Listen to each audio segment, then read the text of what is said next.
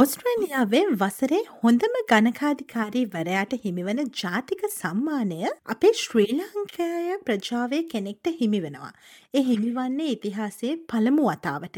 ඉතින් ඔහු තමයි කවීන්ස්ලන්ත ප්‍රාන්තයේ වජිර ජයසූරිය. අයිබෝන් කෙල පිළිගන්නවා වජිර ඔබව ස්පේස් සිංහල ගොන්විදුලියට.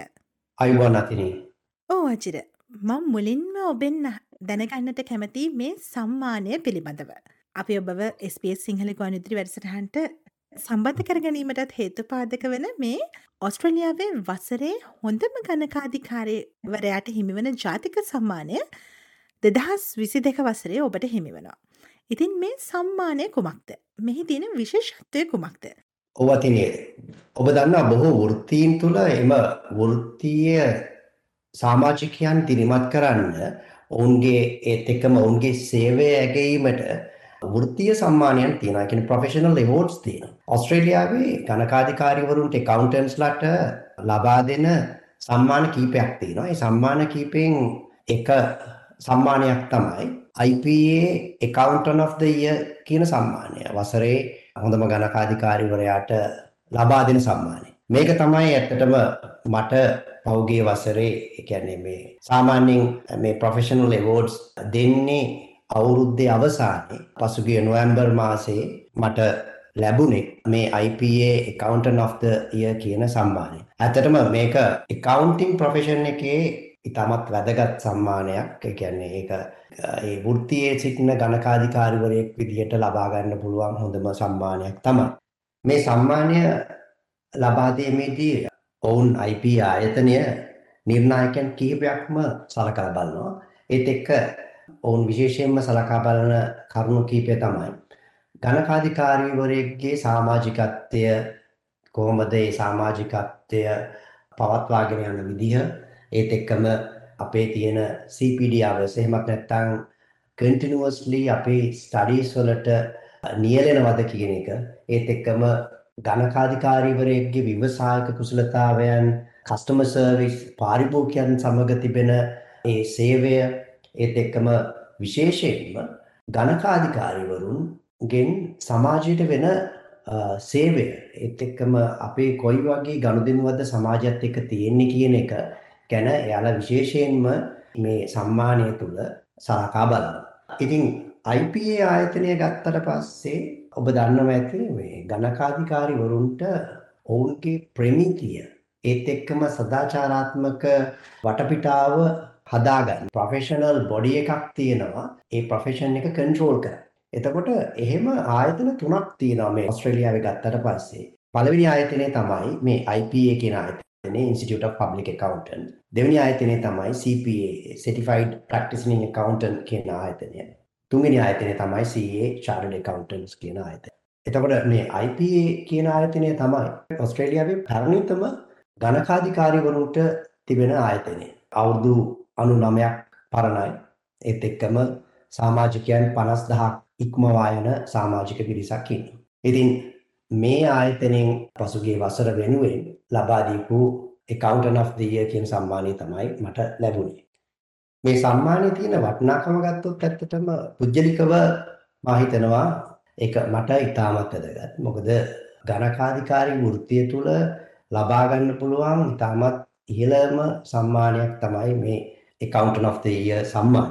අනිත් පැත්තෙන් අපේ ආයතනයේ Australian accountants අපේ ආයතනයටත් ඉතාමත් ලොකු කීර්තියක්. මොකද එය මට ලබා ගැනීමට පුළුවන් වෙච්ච එක ගැන. ඊට වඩා එහාට ගියපු දෙයක් තියෙනවා. ඇත්තටම මේක ශ්‍රී ලාංකික ප්‍රජාවටත් ඉතාමත් වටිනා දෙයක් කියලා මා හිතනවා. විශේෂයෙන්ම මම නොමිලේ අධ්‍යාපනය ලබලා ලංකාවේ ඉඳලා මෙහාට සංක්‍රමණය වෙච්ච කෙනෙක්. මම මේ නිදහස් අධ්‍යාපනය ගත්තේ අහිංසක ශ්‍රී ලාංකික ජනතාවගේ බදු මුදල්නේ. ඒත් එක්කම ඒ ඒ ඒ ඒ වෙනුවෙන් මා හිතනවා යම් වටිනාකමක් මා මේ සම්මානය තුළින් ඔවුන්ට ලබා දුන්නා කියලා. ඒ ගැන මා ඉතාමත් සතුටු වෙනවා. ඔව් අජිර ඔබ පැවසූ ආකාරයටම ඔබ හිමිකරගත් ඒ සම්මානය අප සලකන්නේ මුළු මහත් ඔස්ට්‍රලියාවේ විසින ශ්‍රී ලාංකයේ ප්‍රජාවටත් සමස්ත ශ්‍රී ලාංකයේ ජනතාවටත් ඉමහත් ආඩම්බරයක් හැටියට ඒ නිසාමයි අද දවසේ ස්පේස් සිංහල ගුවන්විදුලිය ඔබේ මේ සම්මානය පිළිබඳව කතාබහ කරන්නට අවස්ථාව සලසා ගත්තේ. ඉතින් වජිර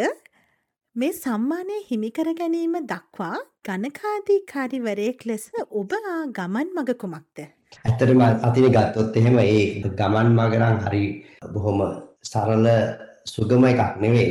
විවිධ කටුක අත්දැකීම් තිබුණා. මගේ මුල් ගම කිරිබත්ජොඩ.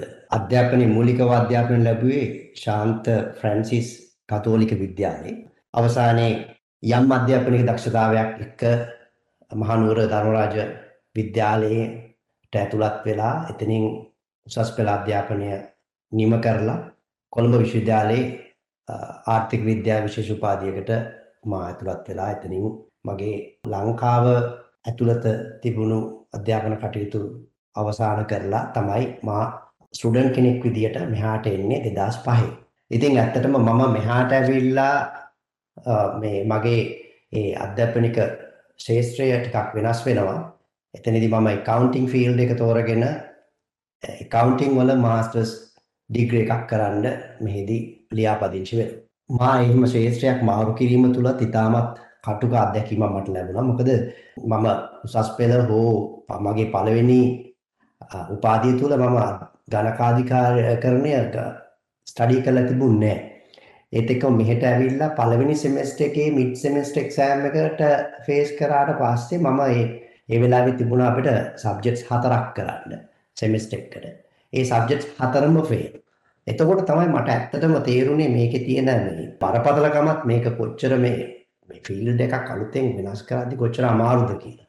හැබැයි මම નિયમિત කාලයේදී වසර දෙක තුල මගේ මෙහි තියෙන මාස්ටර් ඩිග්‍රී එක මම ඉවර කරා. ඒ වෙන කිසිම දෙයක් හින්දා නෙවෙයි. මම ඒකට ලබා දුන් ඉතා දුෂ්කර කැපකිරීමක් තුළ මිසක් කිසිම වාසනාවක් හින්දා නෙවෙයි. එතනදී ඉතා හොඳ දැනුමක් මම ගන්නවා. ඒත් එක්කම මට මං ගැනත් යම් කොන්ෆිඩන්ස් එකක් බිල්ඩ් අප් වෙනවා. මොකද මම වෙනමම විෂයකට පැමිණලා ඒ මගේ අධ්‍යාපනය එතනින් අවසන් කිරීමත් එක්ක මගේ ස්ටඩීස් ඉවර කරාට පස්සේ මම ආයතන කීපයක මෙහි කටයුතු කරනවා. ඒත් එක්කම ඇසිස්ටන්ට් ඇකවුන්ටන්ට් කෙනෙක් විදියට ඊට පස්සේ ඇකවුන්ටන්ට් කෙනෙක් විදියට මම රාජකාරී කරනවා. ඒත් එක්ක නමුත් මම මේ මගේ අධ්‍යාපනික කටයුතු නතර කරේ නැහැ. මගේ මාස්ටර් ඩිග්‍රී එකෙන් පස්සේ මේ වෘත්තියටම සම්බන්ධ තව පෝස්ට් ග්‍රැජුවේට් කෝසස් දෙකක මම දෙකක් අවසන් කරනවා. ඒත් එක්කම දැන් මම මගේ ආචාර්ය උපාධියේ පරිශන කටයුතු කරගෙන යනවා. මම හිතනවා අධ්‍යාපනය මෙවැනි වෘත්තියක ඉන්නකොට කන්ටිනියස්ලි ඒ අධ්‍යාපන කටයුතු කරගෙන යන එක ඉතාමත් වැදගත් කියලා. මම accounting මෙහි හදාරද්දී මට තිබුණු අභියෝග දෙකක්. එකක් තමයි සබ්ජෙක්ට් එක දන්නේ නැති එක. accounting field එක මීට ඉස්සෙල්ලා ඉගෙනගෙන නැහැ.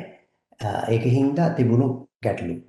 අනිත් එක තමයි පාසල් අධ්‍යාපනයේ යම් ගැටලු නිසා ඇතිවෙච්ච ඉංග්‍රීසි ලැන්ග්වේජ් බැරියර්. මේ අභියෝග දෙක තුල තමයි මම මගේ අධ්‍යාපනය මෙහිදී අවසන් කරන්නේ. ඒ වෙන කිසිම දෙයක් නිසා නෙවෙයි. ඒ තුලට මම ඒ ඒ අවස්ථාවේ ලබා දීපු කැපකිරීම නිසාම පමණයි. කිසිම වාසනාවක් කියලා දෙයක් මට ඒ වෙලාවේ තිබුණේ නැහැ කියලා තමයි මම හිතන්නේ. ඔව් අජිත. ඔබ බොහෝ අභියෝග ජය ගනිමින් ඔස්ට්‍රේලියාවේ යම් කෙනෙක්ට වෘත්තීයමය ලෙස ලැබිය හැකි ඉහළම සම්මානයට පාත්‍ර වෙනවා. ඉතින් ඔබේ මේ ඔස්ට්‍රලියාවේ වසරේ හොඳම ගණකාධිකාරී වරයාට හිමිවන ජාතික සම්මානයටත් ඔබෙන් ප්‍රජාවට සිදුවන මෙහෙවර යම් නිර්ණායකයක් හැටියට හේතුපාදක වෙනවා. ඉතින් මන් දැනගන්නට කැමතියි ඔබෙන් ප්‍රජාවට සිදුවන මෙහෙවර මොනවද. ඇතරම සාමාන්‍ය සමාජ කටයුතුවලට අමතරව වෘත්තීමය විදියට මා විවිධ සමාජ ක්‍රියාකාරකම් වල මේ වනකොටත් නියැලිලා තියෙනවා. ඒකේ පළවෙනිම ප්‍රධානම කාර්යය තමයි ඔස්ට්‍රේලියාවේ ස්මෝල් බිස්නසස් වලට ඒ කියන්නේ සුළු ව්‍යාපාරවල ව්‍යාපාර සඳහා ඒ ව්‍යාපාර නියෝජනය කරන එක ප්‍රධානම සංවිධානයක් තමයි Small Business Association of Australia කියලා කියන්නේ SBAA. ඒ සංවිධානයේ මම ටැක්ස් ඇඩ්වයිස කෙනෙක් විදියට මගේ සේවය නොමිලේ ලබා දෙනවා ඒ සමාජමය කටයුත්තක් සඳහා. ඇත්තටම ඒ තුළ මම යම් ආස්වාදයක් ලබනවත් එක්කම මගේ වෘත්තිය තුළ මං කරන්න පුළුවන් තාහොඳ සේවයක් මේ ඔස්ට්‍රේලියන් සමාජයට කරනවා කියලා. ඒ ආයතනයත් එක්ක සම්බන්ධ වීම තුළම ඒ ආයතනයට සම්බන්ධ තවත් විවිධ සංවිධාන වලින් යම් යම් ආරාධනා ලැබෙනවා ඔවුන්ගේ තියෙන ගැටලු වලට සම්බන්ධ වෙන්න කියලා ඔවුන්ගේ තියෙන විවිධ ක්‍රියාකාරකම් වලට දායක වෙන්න කියලා. ඉතින් එහෙම තිබෙන අනිකුත් සංවිධාන වලටත් මා හැකි පමණින් උපරිමයෙන් මා ඒකට මගේ දායකත්වය ලබා දෙනවා. අනිත් තමයි ඇත්තටම අපි කීප දිනක් සහ ඕස්ට්‍රේලියාවේ රජය රජයේ උපකාර ඇතිව අපි තවත් විශේෂ ප්‍රජා සේවයක් පටන් ගත්තා මේ ළඟකදී. ඒක තමයි ඒක නම Small Business Counseling Australia. ඕස්ට්‍රේලියාවේ 92ක් පමණ ඔවුන්ගේ ව්‍යාපාරවලින් නියෝජනය කරන ප්‍රජාවක් ඒත් එක්ක ඒ ප්‍රජාවට විවිධ ගැටලු වලට මුහුණ දෙන්න වෙනවා කාලින් කාලෙට.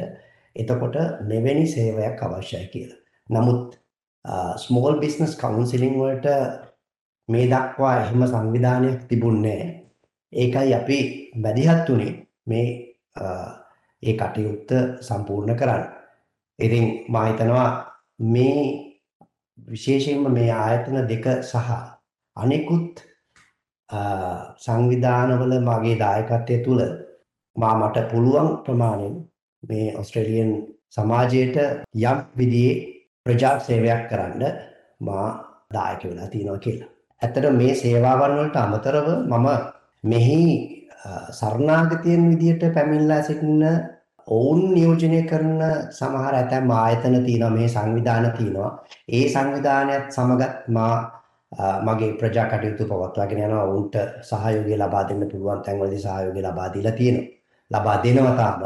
එයත් විශේෂයෙන්ම මේ සඳහන් කරන්න ඕන කාරණාවක්. අවසාන වශයෙන් මං වජිර ඔබකින් දැනගන්නට කැමති ශ්‍රී ලංකයේ පසුබිමක් තිබෙන අපේ සංක්‍රමණික ප්‍රජාවට ඔබට ලබාදීමට තිබෙන පණිවිඩය කුමක්ද. විශේෂයෙන්ම ලංකාවෙන් මෙහාට පැමිණි හැමෝටම විවිධ දක්ෂතා තියෙනවා. සමහර ශේෂත්‍රවල ඔවුන් ඉතාමත් දක්ෂයි. ඒත් බොහෝ දෙනෙක් තමන්ගේ ශේෂත්‍රයේ යම් දුරක් ගිහිල්ලා තවදුරටත් ඒන් ඉස්සරහට යන්නේ නැතුව එතනින් නතර වෙනවා. මම බොහෝ විට මේ දැකලා තියෙනවා. මා හිතනවා අපිට යා හැකි උපරිම සීමාවල් වෙනකම් අපි යන්න ඕනේ කියලා. එවැනි දෙයක් අපි කරන්නේ විශේෂයෙන්ම පුද්ගලිකව අපිටත් පොදුවේ ප්‍රජාවට එයින් යම් ප්‍රයෝජනයක් ලැබෙන නිසා. අනිත් එක තමයි ඔබ ප්‍රජාවට යම් දෙයක් කරනවා ඔබගේ ඔබට කුමන බාධාවක් ඔබ ඒ පාදක තුල ඔබගේ කැපකිරීම නතර කරන්න එපා. මේ සමාජය හැදින්නේ මේ සමාජය ගොඩනැගෙන්නේ මේ සමාජය ඉදිරියට යන්නේ මේ අපි හැමෝගෙම තියෙන කැපකිරීම තුල. විවිධ බාධකෙලි නමුත් ඔබගේ ඒ කැපකිරීම නතර කරන්න එපා. ඔබට ඔබගේ ඔබගේ සේවය ඔබගේ දායකත්වය ලබා දෙන ක්‍රමය හැඩය වෙනස් කරන්න වෙයි. හැබැයි ඔබගේ අල්ටිමේට් ගෝල් එක ඔබගේ ඉලක්කය වෙනස් කරන්න එපා. ඕ අපි අද දවසේ කතා බහ කරමින් සිටියේ වජින ජයසූරිය සමඟ ඔහු අපිත් සමඟ සම්බඳුනේ ක්වීන්ස්ලන්ත ප්‍රාන්තයේ සිටයි. ඔහු තමයි ඔස්ට්‍රේලියාවේ වසරේ හොඳම ගණකාධීකාරීවරයාට හිමි ජාතික සම්මානයට හිමිකම් කිව්වේ ඉතින් වජිර ඔබට බෙහිවින්ම ස්තුතිවන්ත වෙනවා. සූතිය අතිනේ මම ස්තුතිවන්ත වෙනවා ඔබටත් ඔබගේ SBS කණ්ඩායමටත්